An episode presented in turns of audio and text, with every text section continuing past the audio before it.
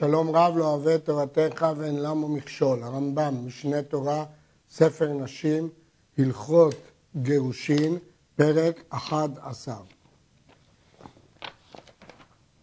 אין נושאין את הקטנה, כל קטנה. ישנה מצוות חכמים שלא יקדש אדם את ביתו קטנה. והנושא קטנה יתומה ולא רצת בבעל, קטנה שאין לה אב, אין לה קידושין מהתורה. קידושין צריך דעת, או דעת של האישה כשהיא גדולה, או דעת אביה כשהיא קטנה. אבל אם היא קטנה יתומה, היא אין לה דעת כי היא קטנה. אביה לא יכול לתת את דעתו כי היא יתומה, אין לה אב.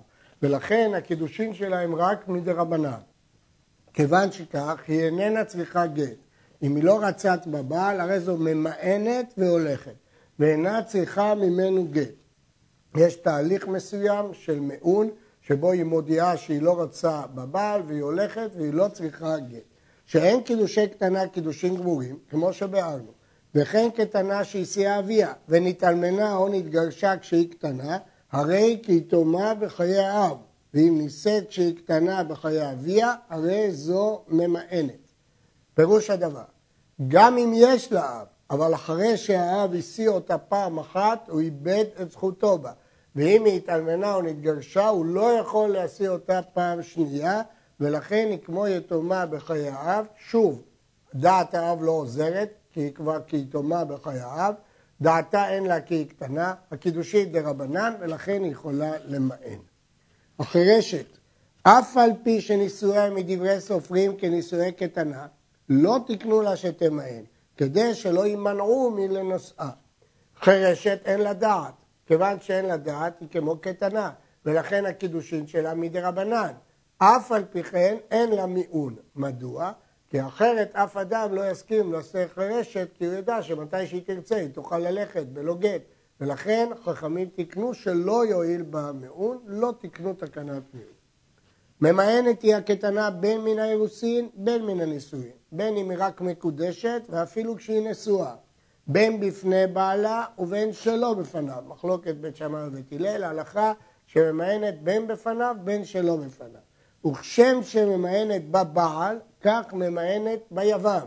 אם היבמה זקוקה ליבם, אבל היא קטנה, אז יוצא שכל הנישואים שלה עם אחיו היו מדי רבנן.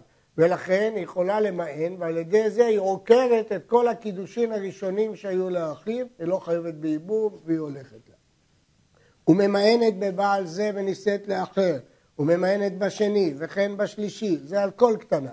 אפילו כמה פעמים, כל זמן שהיא קטנה, יש לה למען. גם אם נישאת שוב ושוב ושוב, כל עוד היא קטנה, הנישואין דה רבנן והיא יכולה למען.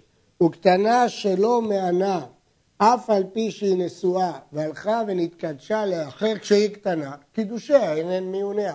עצם העובדה שהתקדשה לאחר, פירוש הדבר שהיא הצהירה שהיא לא רוצה בבעלה. זהו, מיעון.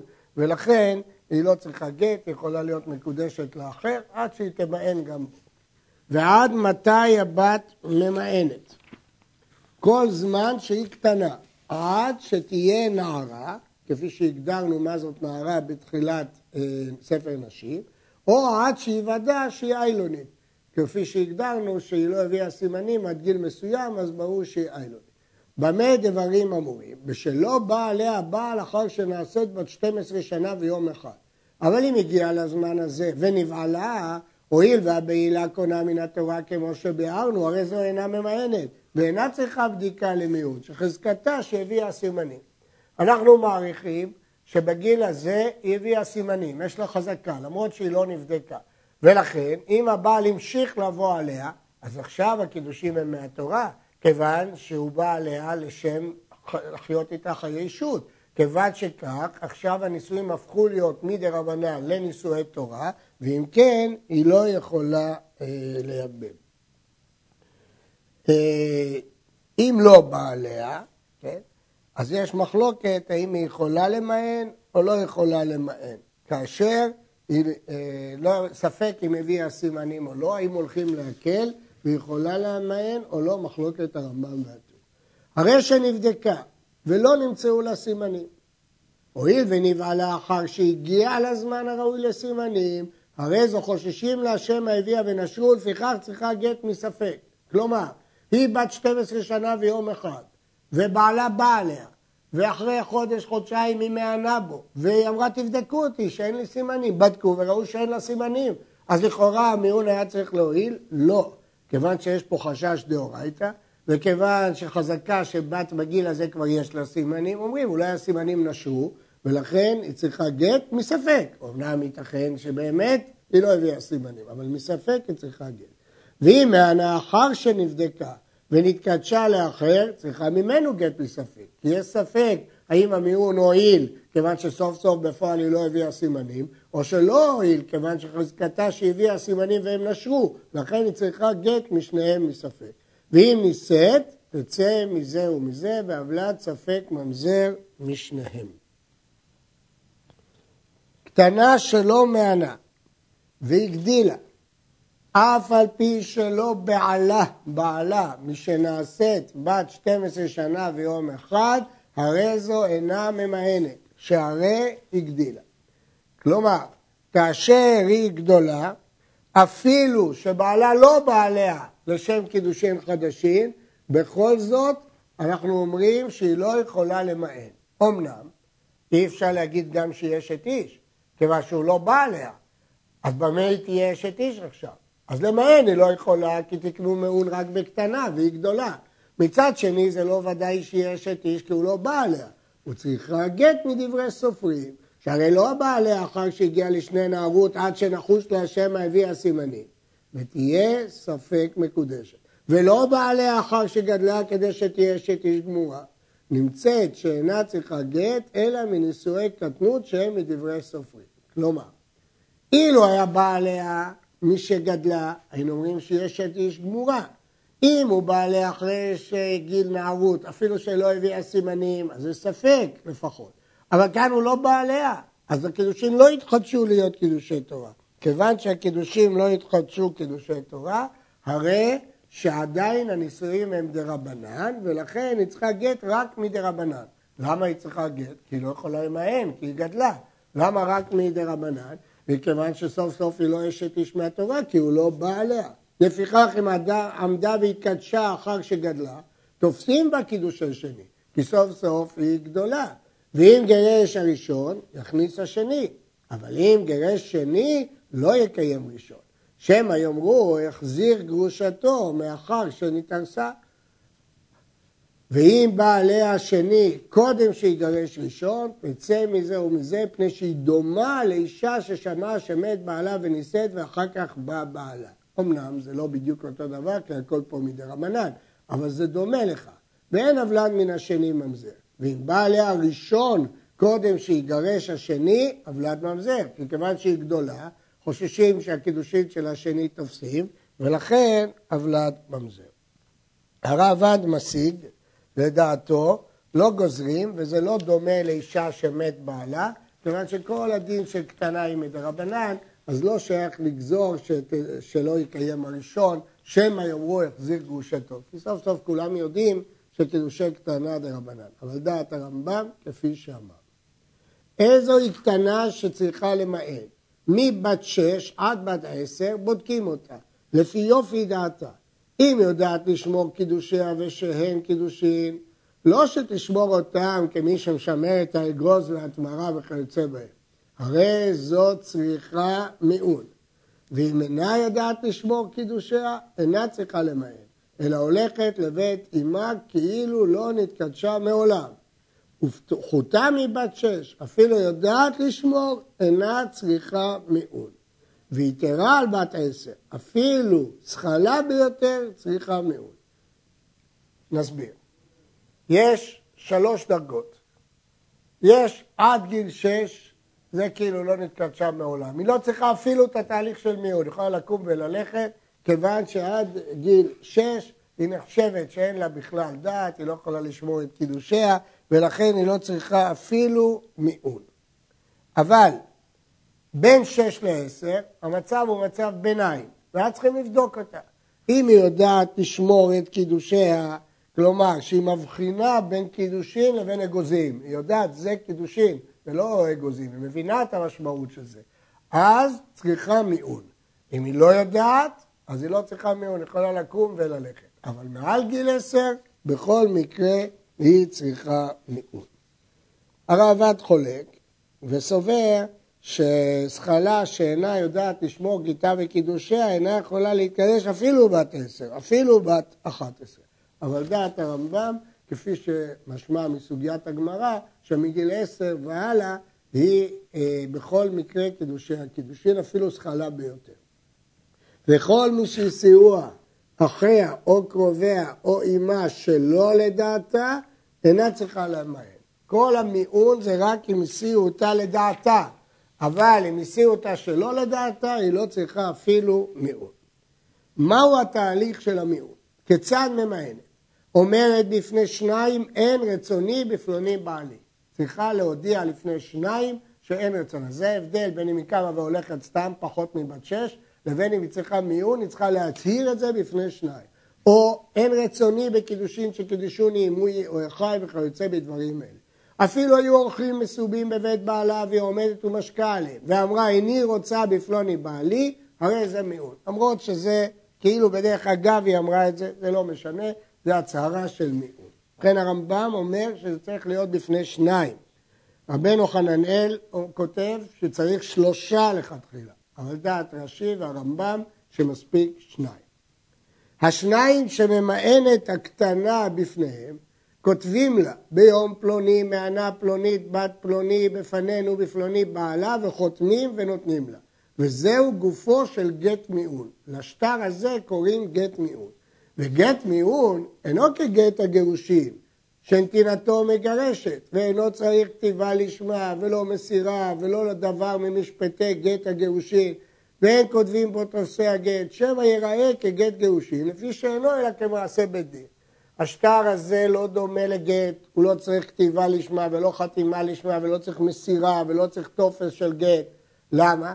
כי יש חשש שאנשים יטעו ויבואו לאסור אותה על הקרובים. הרי גט אוסר על הקרובים, אבל מיעון לא אוסר כפי שנלמד לקב"ן. צריך להבחין בין הנייר הזה של אה, מיעון לבין גט. אם כן, איך נקרא לנייר הזה של מיעון? מעשה בית דין, אישור. מעין אישור שהיא מתקבלת שהיה מיעון, אבל אין לזה גט וזה לא דומה בכלל לגט. השניים שממיינת בפניהם צריכים שיהיו מכירים אותה ואת בעלה שמענה בו. לפיכך כל מי שראה אותה שמענה ושמע מעוניה יש לו לכתוב לגט מיעון אף על פי שאין מכירים. היינו, העדים צריכים להכיר אותה ואת בעלה. לכן כל מי ששמע שהיא מענה בפני שניים, הם יכולים להניח שהשניים האלה הכירו אותה ואת בעלה ולכתוב גט ניהול, למרות שהם עצמם לא מכירים. הרשב"א הקשה, מדוע יש צורך בהכרת בעלה? הרי ניתן למען שלא בפניו כפי דעת בית הלל וכפי שפסק הרמב"ם. הר"ן אמר, אולי לכתחילה החמיר הרמב"ם, אבל המגיד משנה הסביר שהרמב"ם חושש שיש עוד קטנה בשם של אותה קטנה. ולמרות שבדרך כלל לא חוששים, אבל בקטנה עדיין אין קול לשמות שלהם, ולכן חוששים. וכבר נהגו ישראל לכתוב גט מיעון בנוסח זה. הרמב"ם כותב לנו עכשיו את הנוסח של גט מיעון, שטר מיעון. בכך בשבת, כך וכך יום לחודש פלוני. בגירושין כתבנו לירח פלוני, כי כתוב גרש של אחים. פה חודש פלוני. שנת כך וכך למניין פלוני, או לבריאת העולם, או למניין השטרות. מענה פלונית בת פלוני בפנינו, ואמרה שאמי או אחיי יתרוני, והסיעוני וקידשוני, ואני קטנה, לפלוני בר פלוני, ואשתה, גיליתי דעתי כדומכון, עכשיו אני מגלה את רצוני לפניכם. דלא צווי נבא, שאינני מעוניינת בו, ולא קיים נבא, אני לא עמוד, לא עומדת איתי. ובדקנה פלונית דה, ביררנו שהיא באמת הפלונית, והתברר לאן עדיין קטנה היא, ובדקנו שהיא עדיין קטנה, וכתבנה וחתמנה ויאהבנה לה, כתבנו וחתמנו ונתנו לה, לזכר ולראיה ברורה. זה הנוסח של השטר מעשה בית דין של מיעוט. המגרש את אשתו ונתקדשה לאחר, אף על פי שלא בעלה, נאסרה על הראשון, ואם החזירה הראשון ובעלה, לוקה וחופין אותו להוציא, שנאמר לא יוכל בעלה הראשון. פסוק מלא בתורה, לא יוכל בעלה הראשון לשוב לקחתה אחרי אשר הוא טמאה. החידוש הוא שאפשר היה לחשוב שרק אם היא נבעלה לשני אחרי אשר הוא טמא, אבל הגמרא לומדת מאחרי אשר הוא טמא דבר אחר, וסוברת שעצם העובדה שמישהו אחר קידש אותה, אפילו שלא נבהלה, היא נאסרה על בעלה הראשון. ואם הוא החזיר אותה, אז אם הוא בעל אותה, אז כתוב, לקחתה להיות לא לאישה, לא ישוב לקחתה להיות לא לאישה, כלומר, לקדש אותה ולבעול אותה. אז הוא לוקה וחופין אותו להוציא, שנאמר לא יוכל בעלה הראשון. זינית עם אחר, היא לא התקדשה למישהו אחר, היא זנתה עם מישהו אחר. כשהיא גרושה, בעלה גירש אותה והיא זינתה, היא לא נישאה למישהו אחר. הרי זו מותרת לחזור לבעלה. שנאמר ויצאה מביתו והלכה והייתה לאיש אחר, אז לא ישוב בעלה. והייתה לאיש אחר, כשהיא הקידושין היא שאוסרת אותה על בעלה לחזור לו, אבל זנות לא אוסרת על בעלה. הלכה י"ד, ובכלל לאו זה שכל אישה שזינה תחת בעלה נאסרה על בעלה ולוקה עליה. בהלכה הקודמת דיברנו כשזינתה אחרי שהוא גירש אותה. פה מדברים באישה שזינתה תחת בעלה. גם זה נלמד מכאן, שנאמר אחרי אשר הוא טמא והרי נטמעה. כמו שאסור לבעל להחזיר את אשתו אחרי הגירושין אם התקדשה לאחר אפילו לא נבהלה, כך אסור לבעל להמשיך לחיות עם אשתו אם היא זינתה תחתיו, שנאמר אחרי אשר הוא טמא. אלא אם כן הייתה אשת ישראל שנאנסה. אשת ישראל שנאנסה מותרת לבעלה, אשת כהן אסורה. אם כן, בלאו הזה כלול הדין הזה אחרי אשר הוא טמא. לפיכך, כל אישה שנאסרה על בעלה על ידי כינוי וסתירה, אם בעל אותה, מקין אותו מכת ברדות. ואם עבר והחזירה אחר שגרשה, יוציא בגט. ובכן, מה מדובר פה? אומר הרמב"ם, עד עכשיו דיברנו באישה שזינתה תחת בעלה, בעדים. אבל מה הדין? בסוטה, כלומר, שהוא קינא לה והיא נסתרה, אבל לא ידוע אם היא זינתה או לא זינתה, היא רק עברה על ציוויו ונסתרה, אז היא אסורה לבעלה. אבל כאן אם הוא יבוא עליה, אין מלכות, אלא רק מכת מרדות, מדי רבנן. משמע מדברי הרמב"ם, שאם היא זינתה בוודאי, בעלה לוקה עליה מהתורה, כך הוא כותב. אבל אם הוא קינא לה ונסתרה, ולא ברור שהיא זינתה, אז הוא לוקה מכת מרדות והיא אסורה לו. אבל לא לוקה מן התורה. מסבירים המפרשים, הכסף משנה, שהרמב"ם בהלכות איסורי ביאה, משמע ממנו שהבעל אשתו לאחר שזינתה אינו לוקה מהתורה, מפני שזה לאו שבכללות, שלומדים מספר איסורים ממקור אחד. אז מדוע פה הרמב"ם כותב שלוקה? הכסף משנה נדחק מאוד, ותרד שגם כשהיא זינתה תחתיו, מה שכותב הרמב"ם שלוקה, הכוונה למכת מרדות. וכך גם הלחם משנה. אבל הדברים האלה לא ייתכנו לכאורה. שהרי הרמב"ם בפירוש הבחין באותה הלכה, בתחילה הוא אמר שאם היא זינתה לוקה, אחר כך כתוב שאם היא נסתרה לוקה מכת מרדות. אם כן הרמב"ם הבחין בין שני המקרים. לכן יש תרצו תירוצים אחרים כדי ליישב את הרמב"ם הקשה הזה. הלכה ט"ו חירש שגירש ברמיזה כמו שביארנו. בפרק ב' הלכה י"ז אמרנו שחירש יכול לגרש ברמיזה. והלכה ונתקדשה לחירש אחר, שזה קידושי דה רבנן. ואין צריך לומר לפיקח, אסורה לחזור לבעלה החירש. אבל אשתו של פיקח שנתגרשה והלכה ונישאת לחירש ונתגרשה, מותרת לחזור לבעלה הפיקח.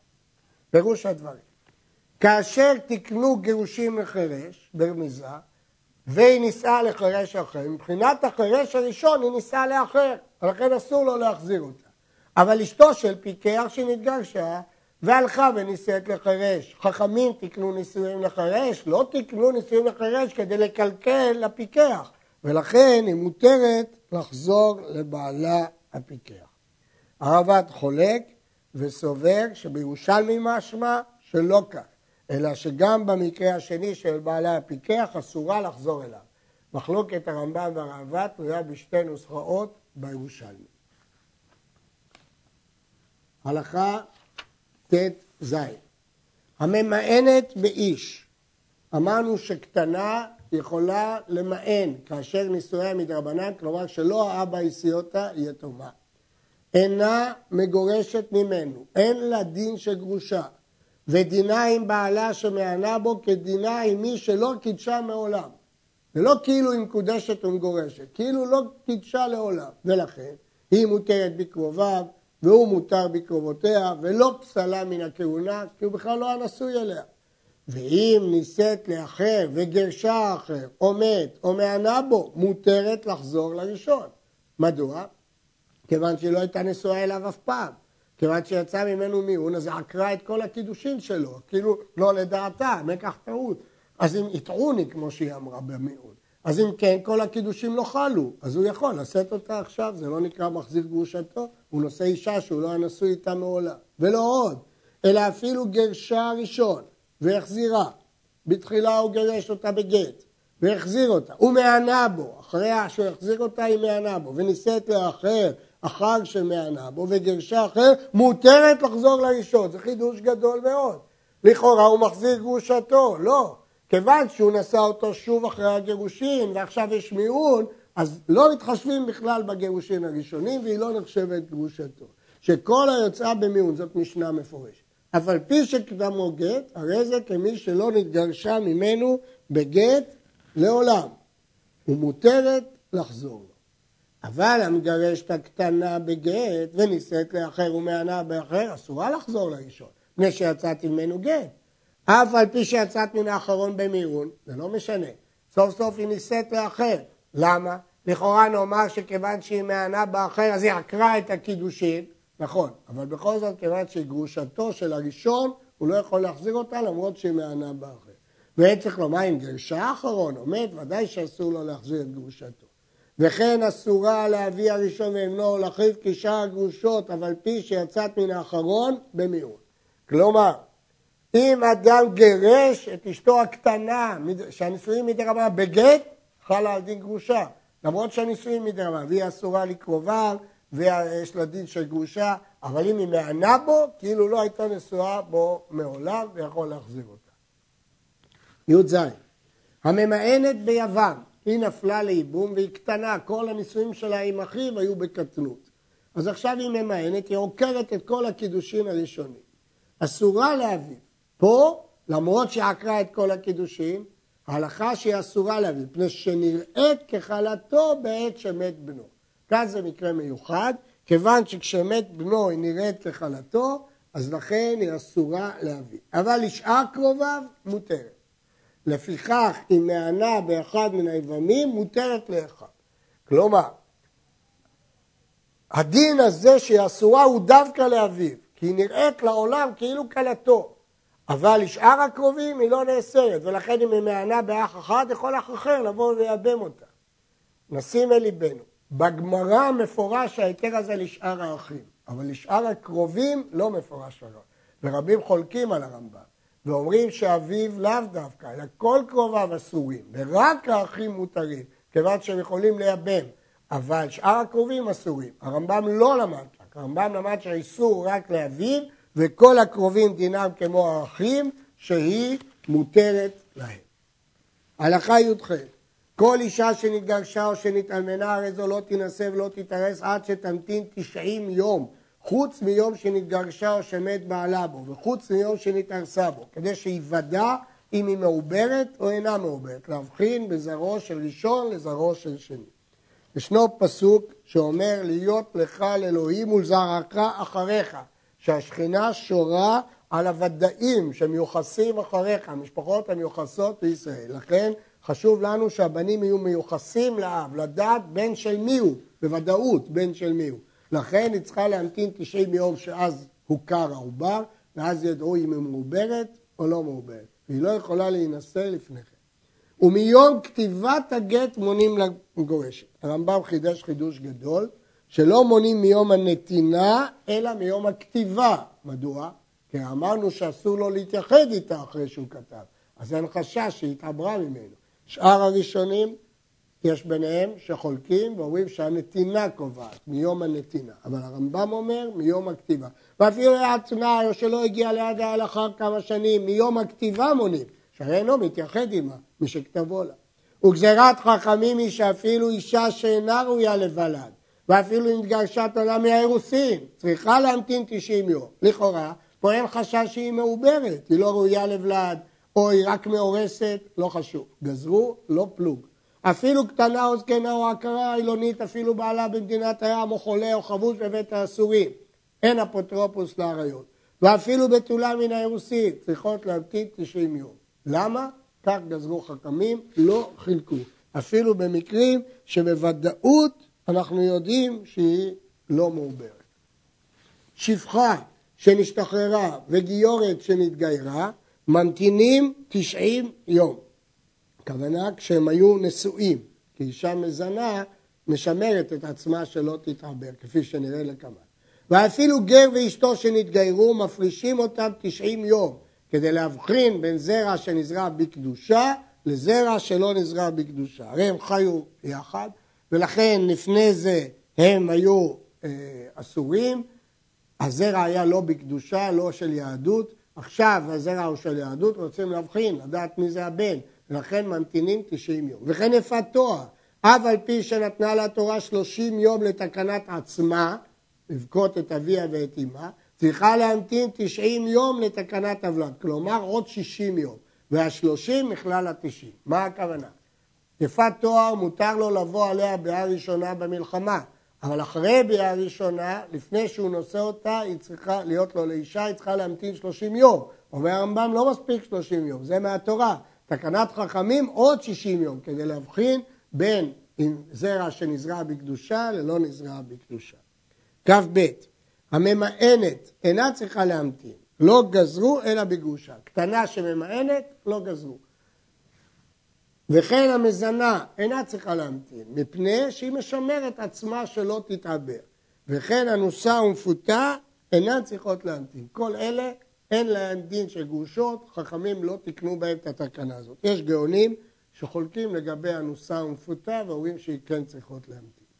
מי שנישאת בטעות ונודע שהיא אסורה לבעלה והוציאוה בדין מתחתה. אם הייתה קטנה שאינה ראויה לבעלה, אינה צריכה להמתין.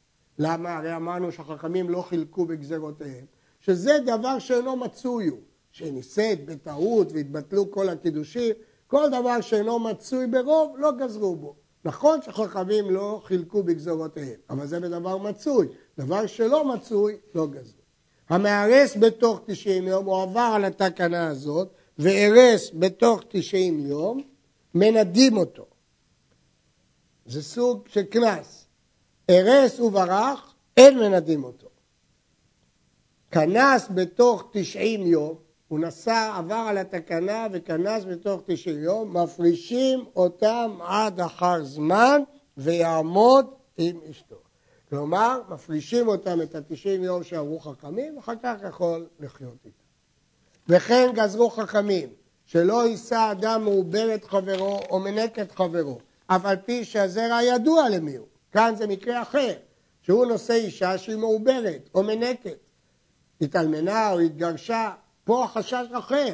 מעוברת, שמא יזיק הוולד בשעת תשמיש, שאינו מקפיד על בן חברו. זה לא אכפת לו, זה לא כמו שהיא מעוברת שלו שהוא נזהר. מעוברת חברו, לא אכפת שהוא יבעל אליה בצורה שיכולה להזיק לוולד. הוא מניקה, שמא יתאחר החלב, והוא אינו מקפיד לרפות החלב בדברים המועילים לחלב כשיתאחר. אם זה בעלה, אז הוא ידאג לתת לה כסף שתקנה מזונות, להבריא, אבל אם זה לא בן שלו, לא אכפת לו, הוא יזלזל. ולכן יש עניין לדאוג לוולד.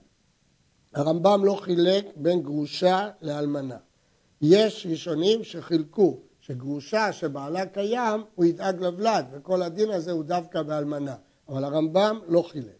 הרשב"א גם רוצה לטעון שזה דווקא לאחר שהעניקה כמה ימים שהוולד מכיר אותה, מזהה אותה, אבל אם לא, אז אין את החשש הזה. אבל הרמב"ם לא חילק.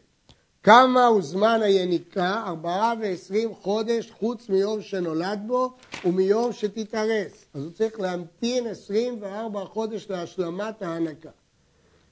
כשם שאסור לישא, כך אסור להרס עד אחר זמן זה. כמובן, אם היא כבר הניקה חצי שנה, אז לא צריך לחכות אה, אלא עוד שנה וחצי. ואפילו נתנה בנה למניקה או שגמלתו בתוך ארבעה ועשרים חודש, לא תינשא. לא גזרה ולא חילקו. מת בנה, מותרת להינשא, והם חוששים שמא תארגנו כדי להינשא, זה לא חוששים, למרות שאישה מאוד רוצה להינשא, עד כדי כך איננו חוששים. עבר ונשא מעוברת או מניקה בתוך זמן זה, יוציא בגט ואפילו היה כהן. אפילו שהאישה הזאת תיאסר לו, והוא רק עבר על הגזרה הזאת, חכמים חיזקו את דבריהם וקבעו שהוא יוציא בגט. ואם היה ישראל, יכול לגרש, ויחזירנה אחר 24 חודש של מניקה. נשאה וברח, ולאחר זמן בא וישב עם אשתו, אין בכך כלום. ארס מעוברת או מניקה, אין כופין אותו להוציא, הוא לא נשא אותה, הוא רק ארס אותה, ולא יכנוס עד אחר זמן היניקה, עד שימות הבלד. הרי כל החשש זה שכשהוא יבוא עליה הוא יזיק, אבל אם הוא רק ארס, אז הוא לא בא עליה.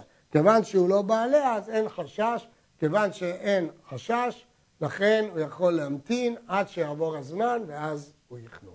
עד כאן.